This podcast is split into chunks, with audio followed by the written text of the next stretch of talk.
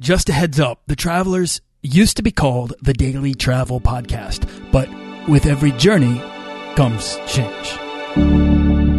This podcast is produced by Holocene, a community of creative travelers. If you want to get serious about planning that next trip, writing that book, starting that creative project, or launching that business, we're breaking down the barriers between where you are where you want to be together at joinholocene.com. That's join, H O L O C E N E.com. In this session, it's how to get started in volunteering overseas responsibly with Shannon O'Donnell. Do you want to travel further and more often to visit new places and meet new people and expand the role that travel plays in your life? I'm your guide, Nathaniel Boyle, an explorer that wants to help you get out, see the world, and find meaningful, life changing experiences. Everyone wants to be adventurous and have great stories. To do the stuff of legend. This is the Daily Travel Podcast. Before we get started, I wanted to share with you, as promised, some iTunes reviews that I just love to see. Uh, the Ace Chase says, These stories are wonderful for relaxing getaways in your mind, even if you don't intend to go anywhere at least right now. Uh, Ace Chase, we have a handful of amazing stories and adventures coming up that I think are really going to captivate your imagination. So stay tuned and thank you so much for your support. Daniel Haig says, love this podcast. Nathaniel has awesome guests on and asks them really thought provoking questions that provide listeners with inspiration and ideas to help create their own extraordinary lives. Keep it up. Uh, Danielle, wait until you see what we have in store. I really do want to help you create a life of travel, whatever that means to you. Uh, whether that's perpetual, whether that's just more than two weeks a year, there are ways to break out and get out and, and, and see the world and, and, and really just dive in. So if you like the show and want to be featured on the Daily Travel Podcast, drop a review on iTunes. Uh, ask a question, share a travel story, or leave your best travel tip, and I'll be sure to share it on the show. Shannon O'Donnell is the author of the Volunteer Traveler's Handbook, and as such, she's the foremost expert online and off in the topic of volunteer travel. In 2008, she took off a year to go off around the world and make travel a bigger priority in her life. Now today, she's helping others get started doing the same at her blog, a little adrift com, which is such a good blog name, uh, supporting herself along the way as an independent consultant, writer, and photographer. So I'm thrilled to have her on here just to learn more about her, how she made travel a bigger priority in her life, and where that's taken her down the road of volunteer travel and what that means and how we can all get involved. So, uh, Shannon O'Donnell, welcome to the Daily Travel Podcast. Oh, thank you so much for having me. I'm excited. After that intro, I feel like I have a lot to live up to. oh, no worries. Here, we're here to have fun. Where are you right now? Um, I'm actually, I just got back to Florida um, from the Pacific Northwest, and then I was in Africa before that. And you were in Nairobi? I was. I was sort of Nairobi is the hub, so I used that to travel around East Africa for um, a little over, a little under four months, I should say. Well, let's start there. Tell us what you were doing there. So I, you know, I'd been on the road for five and a half years and I hadn't yet made it to Africa. So in February, I left and I decided to travel around and, well, I'm sure we'll get into it more, but look at grassroots travel and how Africa's relationship with both volunteerism and um, local social enterprises and just what the tourism industry looked like in Africa and how perhaps, you know, positive service-minded travelers could ethically interact with the continent. Yeah, so this is really interesting already because you're kind of taking your natural curiosity as a traveler and as as Shannon O'Donnell, the explorer who wants to finally go and see Africa and experience it for herself, along with this idea of it almost being like a research trip. And it surprises me to hear that you hadn't been to Africa already because of your expertise in volunteer travel. Because I think a lot of people that want to get started in volunteer travel look to Africa for opportunities. Absolutely. And what's interesting is, you know, the reason I haven't been to Africa is because I don't see my mission is to go out there and volunteer and help, you know, these underdeveloped people, but rather I take sort of a service minded approach to life. And so I volunteered in the United States in my local communities um, with the homeless and I did Relay for Life and fundraised for the American Cancer Society and all these different things that um, I felt were important when I was living in the United States were a part of my life and the service was a part of it. So when I went on the road, I decided to take that same attitude of just in the places that I naturally as a traveler was curious to visit and then find ways to interact with the people and, and have this service minded attitude. And so in that way, the media that sort of says Africa has the greatest need, well, there is great need everywhere, um, depending on your interests and what you're, you know, willing and able to do. So that's why I ended up, I volunteered a lot in Asia and Central America, where, where I spent the bulk of my five years. And then in Africa, I wanted to see what it looked like before I dove in because it is such a big destination for people and they are just swimming in aid and humanitarian work. Such an important message. All right, Shannon, I want to know where that mindset came from. So let's take a step back. Um, I shared just a little tiny bit about you, but I want you to introduce yourself and tell us who you are and how you got started traveling. All right. Well, I was living in Los Angeles at the time. I had, um, right after college, I moved to Los Angeles to do acting and that was always a passion of mine. Nice. Um, it's a really big city though. I'm from St. Petersburg, which is, you know, a beach. We're most known for our beaches in Florida. And it was a big shift to go to the big city. And that life really didn't jive with me completely. But as I said, like service was a part of it. Um, and I, I read a blog one day. I was, I was about six months left on my lease at, at the um, year and a half mark on my lease in LA. And I read this blog. I, I was, I wanted to travel. I thought about taking a trip to Japan. I was like, maybe I should climb Mount Fuji or I could go to Europe for a month. And I found some three women who had taken a year around the world trip together. And I sort of, I went, wait a minute. Nobody told me I could do that. Like, no, nobody said that this was an option for life, that I could take a year and go around the world. And being an American, you know, they don't tell you that. No, it's not like this is a good thing from that moment that I had that realization that I had online work already, which is very fortunate. I know a lot of people don't come from that, but I had an online income.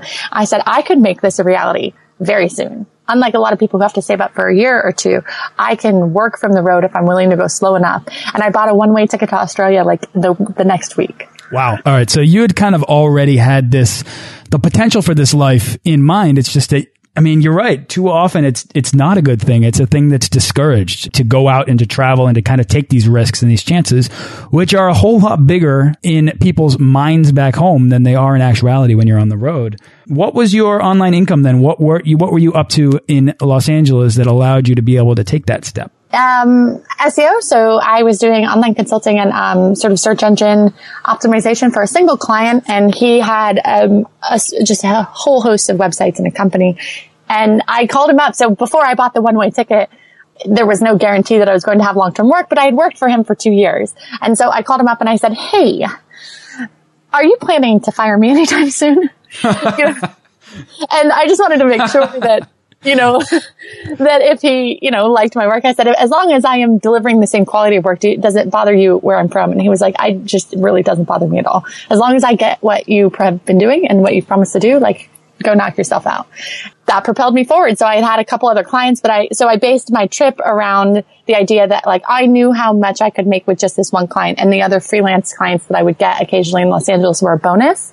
So I based my route and my income and sort of my budget around the idea that I could guarantee this baseline income um, from this client and then potentially look for more freelance work and try and build up that income, which I never really had a big motivation to build up because it got me by in LA and I was doing other things. But on the road, I shifted my focus and I built a little adrift to be like this resource point, but I had never really seen how I would monetize it. That wasn't the goal. The goal was, it was so confusing in those five months I was planning my trip to what, what am I going to wear? What's the backpack? And there weren't a lot of solo female travelers out there writing about what it's like to be a solo female traveler and planning a trip. So that was where the blog came from, coupled with the online income and off I went. Wow. All right. Had you traveled before? I done one trip and it was, um, two months. I went, I did a study, a summer study abroad in Italy. And then afterward, this was in my junior year, the summer after my junior year of college. And after that, I went through, as one does, you know, I was in Italy. So I jumped over to Paris and and then drove. My dad met me in Ireland, and he and I drove around Ireland for three weeks. Oh, it's so much fun! I did that with my dad as well. Oh, excellent. You're, you're O'Donnell and I'm Boyle, so we've got all these Irish heritage going on. We do. We got to go back to the motherland there. That's right. Did you go to Shannon? I did. I took a picture. I have a picture of me on the Shannon River. So Shannon on the Shannon. Oh, I love it. I have a picture of me on the Boyle River. Okay, now we're geeking out on Irish heritage. Uh, Shannon, so then I'm wondering, like, uh, so you, you had you had this trip around Europe. I'm wondering, like, what was it inside you that was inspired by a blog post that was suggesting that you could travel? Like, why why did you want it? Not not everybody, you know. I, th I think a lot of people want to make the decision. They dream to travel more, but they too easily put it off. And I'm wondering, what was it inside you that inspired that decision to make travel a bigger priority? I think that, so I've never quite been able to put a name to what I thought I was going to get on the other side of a year. I mean, it was like personal growth, perspective. It was a deeper connection to the world and just really understanding the things, global citizenship, all these things that in retrospect I can name. I, I didn't name those, but I wanted what the other side of a year of solo travel on the road, of seeing all these different places and being a part of the larger community and just understanding these cultures I'd read about in National Geographic, all of that, I placed a value. And it was a very like, I, I was like this thing, like you can put your hand around it. And I was like, all of this that is going to happen. And I don't know what it is, but I know I will be different on the other side of a year. I valued that so greatly that I was willing to overcome the fears for it. I love the way you just said that. Shannon, tell us then about, take us with you on that trip. Where did you go and uh, what came out of it on the other side? So I left in November of 2008 and I started in Australia. It seemed like a, a, good safety net for me because I had only, you know, done the study abroad experience where it was a little bit structured through my university. Um, the idea of a year was really daunting and it's easy to buy the ticket. And then in the weeks right before I was leaving, I had the only time I've ever had panic attacks in my life. I had a panic attack and I was sitting next to my best friend and I was like, what is this? She was like, wow, you are freaking out. Wow. Was that because of the anxiety associated with leaving? Of leaving, of the unknown, of like, what if I suck at being a travel? What if I'm a, like, I'm lonely? What if this was the worst decision of my life? Like all these cascading emotions of the idea of not having a safety net or a support network or anyone with me. I had built up this fear because other people had fear years that they were like, these are things you should be afraid of. They're like, how are you going to be safe on the road? And so I was like, you're right. How am I going to be safe on the road? You begin to believe the fear the more you refuse to face it. I'm wondering, so where, where did you go? Where was your uh, first stop? Okay, so I started in Sydney and I landed and I was at a party hostel, which is not so much my vibe. It's not really something I, I do a lot of. And I went, whoa, is this what it means to backpack? Like people were out till four in the morning. like, it was crazy. you know, and it was a lonely first week because I, I, explored Sydney and I did a lot of those fun things and I came back to this party hostel where like, I mean, to, they called my room in the hostel the jungle and, and it's because like these people would come home at four and literally be like swinging off of the metal bedposts of the beds. And I went, wow. Is this one of those like 30 person dorm rooms? Yes. Yes. Um, and, and from there I started adjusting my travel style. I went to the Blue Mountains, which is a much more chill area. Um, the, the focus is hiking. Um, the, and I went, these are my people. Like the, the demographics swung a little older. There was mulled wine in the evening instead of, you know, keckers. this is a drastic difference. Yeah. And, you know, no, I don't judge anybody who's at that state, you know, who wants the keckers. It just, it really wasn't something that I felt comfortable doing it at that point. And so I, I sort of found my groove in Katoomba, um, in the, the Blue Mountains there and continued on around Australia for two months. And that was, that was through Christmas and through my birthday. And some, there were some moments where I really doubted the Christmases, the holidays were really tough. And I called my dad and I was like, well, like maybe, maybe I should come home. I'm really lonely.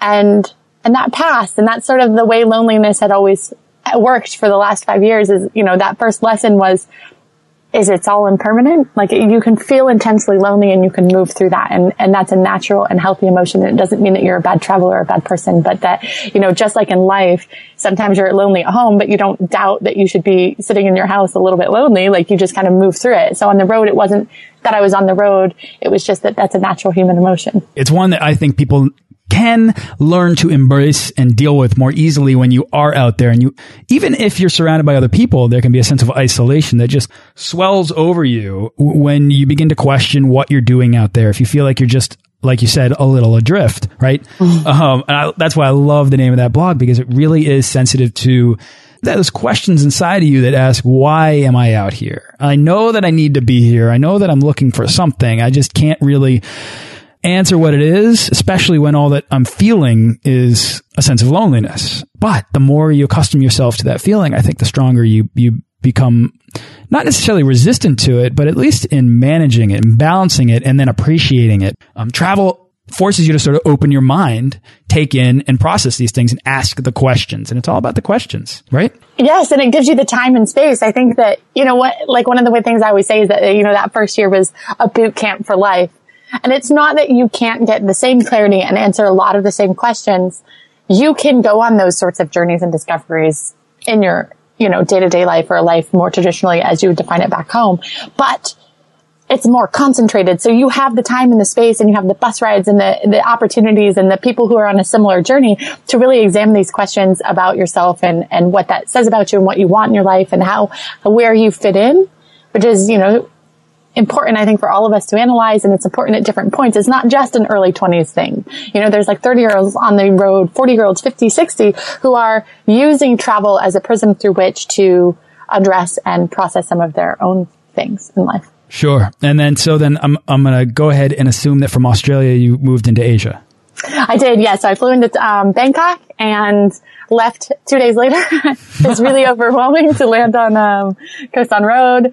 I bought a, a ticket to Laos. It, the, what everyone said about Laos sounded really good. It was much more laid back. Um, I, I, I've been, gone back to Thailand since and I lived in Chiang Mai and I love Thailand, but at first it was very overwhelming to have that be my first introduction, um, to get off the bus at 9.30 at night and have no place to stay and, and be landing on Khao Road, which is overwhelming for anyone who has not gone there. It's just a lot of noise and people and music and. Well, I, you know, my first experience was in my, my first night in Asia was in Kuala Lumpur, and I spent um, four days there, and I ended up loving it. But it was my first moment in Asia, and I remember thinking about all the sensory experiences that were going on. So it was loud. It was, it was massive. The, some of the cities in Asia are massive and they can be very overwhelming if you've never been to the continent before, if you've never explored those, that culture or that world before. Um, and if you're not completely prepared for it, it can kind of catch you off guard.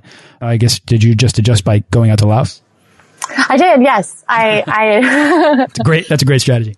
exactly. I was like, all right, let's, let's try to change the pace here. And, um, the country is just a very different vibe in Laos. It's a similar culture, but, um, in terms of the pace of life and the people and the approach, um, it's just less developed. And it was a great way for me to ease into the culture and I, you know, I found some travel friends as, you know, the fear never seems to hold true as Southeast Asia is the backpacker haven. So immediately on the bus, there were other people who I could join up with for day trips and go to different towns with and, um, who had tips on how to explore the region and, and all of that was just the backpacker groove. I was in the, in the travel groove and, it's there though that I sort of went, okay, now it's time to get back to like the service minded focus. And I was looking around and looking for ways to just interact or see if there was any need. And I didn't volunteer in Laos, but later on in Cambodia, um, another traveler had recommended. Um, it's actually an orphanage, and orphanage tourism is so controversial. And so this was one that seemed like a good fit. And I recommend that anyone, though I'm talking about a Cam- Cambodian orphanage, really take caution there and perhaps email me if they're looking for something. But I ended up at this orphanage for um, a good bit of time, and working with the kids and found this and, and this was sort of my first introduction. And the controversy there is one of the things that later would shape grassroots volunteering. Um, the idea that there wasn't a lot of information. Backpackers were passing information about organizations that maybe weren't operating ethically or they just didn't understand either. And so my goal from my first experience is after Southeast Asia, I moved into India and Nepal and I did an organized volunteer program in Nepal that went horribly. It went wrong, terribly oh, no. wrong. I paid for facilitation and just like money didn't go to the people they said it was. Um, and it was positive in that I loved, I was at a monastery teaching some young monks, little monklets as I call them. And, um, that was wonderful, but it opened my eyes to some more problems and issues in the industry. And, and that was why I founded, you know, later on grassroots volunteering of, of just to help people navigate some of those questions and issues and find organizations on the grassroots level that um, need help and may be a more um, local level experience. No multinational NGOs involved. Um, a lot of questions you can ask, and it's it's just more direct contact if you are looking for ways to implement this sort of social service minded idea. You know, I, this is fascinating to me, and now I really want to help myself and anybody that's listening to define this world. And I'm going to pick your brain right now, if you don't mind, because there's all these terms, Shannon, volunteerism, volunteerism, volunteer travel. Uh, maybe they're all the same thing, maybe not. Multinational NGOs and why they are something you don't want. Um, let's really like take a step back here and def clearly define exactly what it is that you see uh, in this world. Um, grassroots volunteering. Can you uh, tell us what what does that mean and why does that matter?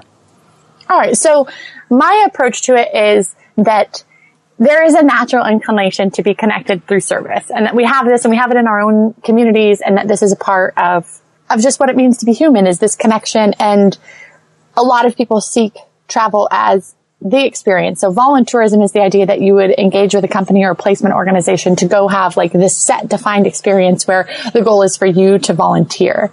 And sometimes that takes the local community out of the equation or the idea of to be of service doesn't necessarily mean volunteering. So volunteerism and this, this want to have these canned experiences has commodified the industry where huge corporations, a lot of them based in the UK, but the US certainly has many, um, just as many. It's just a lot of these gap year companies are are selling these canned experiences that are not always engaging with the local communities in ways that conform to best humanitarian aid practices. It's really easy to disassociate volunteering from humanitarian work, but in effect, like all of the all of the aid work and all of the ideas and people who have written about development economics are linked with volunteering. You are going there to help develop these countries, which means the industry should be following well, should hopefully, it, you know, the, the more ethical companies are the companies that align closer with my vision of, you know, what I've seen and, and what I know to be true, which is not what is true. It's just what I know to be true. That these companies sometimes are, are led by different moral compasses and, and money and profit and all of that is leading them. So grassroots volunteering is the idea that there are locally run organizations or people who are solving social issues on their own in their own countries, run by um, locals who see this as the most positive way to develop their communities. And there are two ways you can help them: long-term volunteering, um, skilled placement, something you have to do, or and sometimes just as important or more important is grassroots tourism. And I define that as you at the local level going to the mom and pop shops, going to the businesses that may you know, be operating with a social mission. Maybe it's a, a restaurant that cha- that trains single mothers in, you know, restaurant skills and you go there and all you have to do is spend your money. And yet you are helping a social issue. And I contend that this idea of being of service, of seeing that connection, of spending your money in a, in a grassroots way is just as valuable and a part of being of service when you're on the road. How can someone that's interested in getting involved in the things that you're talking about right now, how can they identify uh, ethical volunteer travel opportunities um, in this very confusing world in which, yeah, large multinational companies are simply trying to turn a profit? So, you know, my first thing is to reframe it. So instead of thinking of all the reasons why you should volunteer, um, do some research and think like, maybe, I, I say approach it from that maybe volunteering isn't the best option. Like maybe I shouldn't. Let me convince myself that there's a program that is such a good fit, that I have just the right amount of time that they need, that I have the skills that they need, that I could be of super service. But otherwise, perhaps I should look at um, you know, other ways of being of service that aren't exactly defined as volunteering, like social enterprising or just traveling at the grassroots level and gaining that perspective through conversations. Um, you know, that that is just as valuable. So research is the biggest. It's not sexy and it's not fun, but reading books on development and economics and and exploring the ideas of from a wide range of people who are talking about what it means to develop another country and making sure you're coming from a positive place that that's that's the best place to start is not to assume that you should or that you're perfect for any job but then look for the ways the jobs that um, you can really offer value so now, I, I mean, I'm I'm buying what you're selling here because I, I, I think it's absolutely the right path. That said, these canned experiences they probably sell pretty well because people don't have the time or the mind or the understanding to really do their own research and really to, dive into the ideas that are being shared by the people who are of this world and know what's responsible and what's ethical. So, how would you? What are there resources that people can um, can look for in order to sort of help guide their uh, their understanding of what is ethical and what's not? Well, my book. ah, there you go. Perfect. I, I did address these things in this book. Perfect. book. Yeah. Um, but um, really, it's oh, the book takes the approach of I lay out information on the industry and I don't assume that your viewpoint is my viewpoint, but rather that it's best if we all develop um, sort of the nature of of the world the way it works is that the best information and the best practices come out of the combination and the cross pollination of all of our ideas. So if you take these resources and research and ideas that I present to you, like this is one idea on development, um, and this is another, and here's what anthropologists say, and here's what economists say, and all of these, and you're taking it, what you may find as a positive way to develop or to interact with the developing world may be vastly different than mine. And so instead of me saying, use this company and don't use this company, I say, ask questions, develop your own opinions, and learn how to look for things that maybe behind the scenes, like ask where the money funnel goes, ask how they are involved with local communities. Some of the the multinational companies, the ones that are operating from the UK or the US that are operating in developing countries, some of them have amazing projects that are long term. They are needed by the community. They are not creating dependency, right? The job of the volunteer is to make itself obsolete. That's ideal, right? Like you're not supposed to be there. The, the companies that are like, we can have volunteers here for the next hundred years because, you know, because we're getting money. The idea is, is like training and you know, skills building, capacity building, all of those things. Once you understand what to look for, once you've done some research, you'll be able to understand what role you believe is the best place for you it's fascinating. It can be very confusing, and I, and I think anybody that's probably listening to the show that wants to get involved is probably looking for that like step one, right? So, what's the simple step one aside aside Shannon? Of course, picking up your book. I I'm going to link to that in the show notes, and, and people should definitely check it out because it's a it's going to obviously Shannon. You know what you're talking about. You've got such a, an eloquent message here. It's this idea that a bleeding heart in the developing world is like an ice cube on a hot day, right? It's I mean, it's relief. It's immediate, but the impact can so easily be lost when the need is not a priority for its community, right? So I think what you're getting at is that you need to assess the needs of the community and you need to learn how to help the community and the people themselves as opposed to the, uh, the into the overarching industry that might in fact be preying upon it.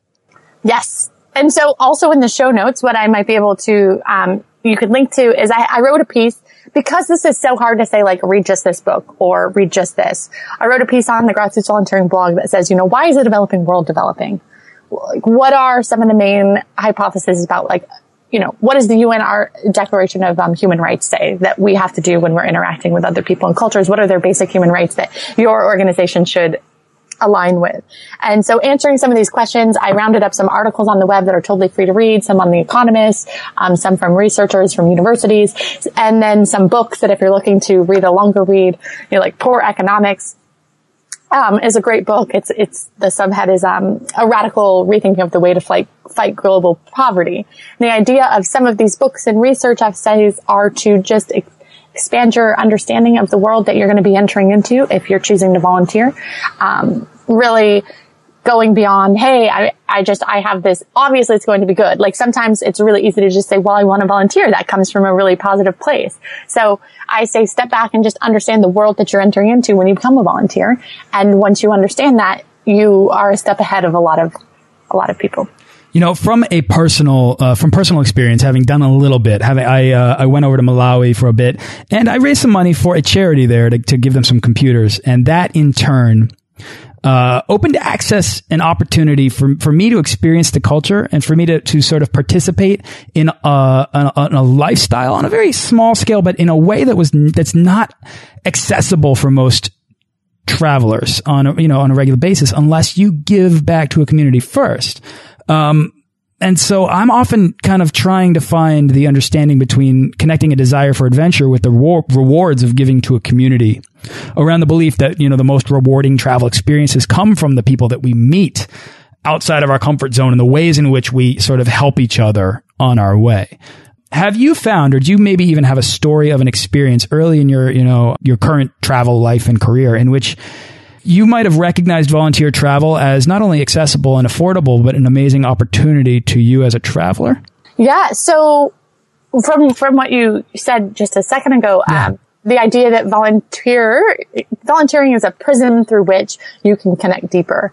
And one of the ways I like to think of it though is like, it's just one prism. So, um, my best friend Jodi at Legal Nomads, she writes about food and she uses food as the same type of prism, the same conversation. She goes, you know, goes into homes with people and explores food and food culture and the history of the food and the way it shapes their culture um, at that level. And she has some amazing experiences that I don't access even through volunteering and vice versa. So in volunteering, sometimes there are connections and communities and really there are many prisms through which you can attain this connection. And so I see volunteering as one that I often access because I like to live a life of service, but um, one of many that when you're on the road, it's not the only one available to you. There are a lot of ways that you can interact and really connect on a deeper level or a shared interest with people. Can you give us an example of a story that, that might have happened to you? Yeah. So, um, you know, I took my niece to Asia with me and she was 11 at the time and we had this great morning and it's a good example of just like a single day experience. There's, um, Big Brother Mouse is a bookstore in Luang Prabang and they give children their first book, um, and it's, it's not in English, it's in Laotian. And so you can go to the bookstore and every single day for two hours they host this is informal. Like anyone from the community who wants to practice their English can come, can come and any traveling tourist can come through and just sit down for two hours and chat with these people. And so for my niece, it was low barrier of entry. Her being 11 didn't stop her from being able to participate. And I was really excited that we were going to be able to have this experience together. And we ended up being the only two people who showed up that day. And we had like maybe six people um, one of them was a monk, and then there was this group of boys who had decided. One of the boys who is best at English. He was determined he was going to be a tour guide. He knew that this was what he wanted to do. He wanted, he had spent the whole week before because some English speakers had not shown up, um, writing down idioms or things that he was reading that he didn't understand. And so he came with this list and and he just he just was so curious and wanted knowledge and so my niece and I split up and she was talking to this monk who wanted help with pronunciation and I'm over here explaining some really you know bizarre cultural idioms that he just didn't understand and we left it. And I just remember my niece turned to me, you know, two hours later and she looked at me and she was like, you know, if we hadn't shown up, she goes, it was just a little thing. She goes, but as long as someone shows up tomorrow or next week, it's just this little piece of helping, um, helping these people become who they want to be. And I was like, yes, yes. it's kind of the interesting thing is that this is a real macro version of what we talk about on the show sometimes in this idea that if you want to meet someone, and this is just in day to day life, really, this is, this is at a conference. This is on the street. This is just getting to know someone in, in under any circumstance. Uh, make an effort to give. Give to them your attention. Give to them your time. Give to them your aid that is really the best way to meet anyone because it will open them up to you. And I think when you're traveling, if you can take this and expand it into this concept of volunteer travel and grassroots uh, volunteering, then I think that you really expose yourself to the authentic complexities that exist out there that are waiting for you to find um, in the world. And uh, and Shannon, you've kind of come on here and mind dumped an amazing amount of knowledge. It's like a knowledge bomb has been dropped here today on volunteer travel and why it matters, um, and why it can help you have amazing travel experiences. So, is there anything else, Shannon, that you would like to share here before we wrap up? Just a thanks. Like, um, you know, I really appreciate the questions that probed in and, you know, sometimes it's really easy to say, yes, travel is awesome. Go do it. But, um, there are deep reasons and, and deeper experiences that have kept me on the road all of these years. And I appreciate being able to share them. It's a big world and volunteer travel is a complicated thing. It, and it's, it is really something that you need to be sensitive to. I don't fully understand it. Um, you, you seem to, and I would definitely direct people towards your website, a littleadrift.com, or just to get in touch with you if they want to do something, if they want to do the right thing, but they're not sure what that right thing is. Shannon, what's exciting you the most right now? Where's your next trip or what's your next project? Uh, I'm actually going to slow down. I have a house in Seattle, Washington, and I have a book in Seattle. the works. Yes. Oh, yeah? Yeah, so I'm going to be working on that. Um, yeah, more more tuned. It's sort of memoir about some of the travels and some past things and shapes. I just I can't even give a lot of it away right now. But my big excitement is is working on um, a different avenue to tell people about travel. Awesome. Well, when it's ready, come back on here and share some of those stories on the show. Um, I, I would love to hear them. Just hearing the couple stories that we got out of this today, uh, it was really interesting. But I, I want to get more of that of that experience. I want to I want to know more of that, Shannon O'Donnell. All right. Thank you so much. Absolutely. Thank you. Uh, where can people go to find out more about you?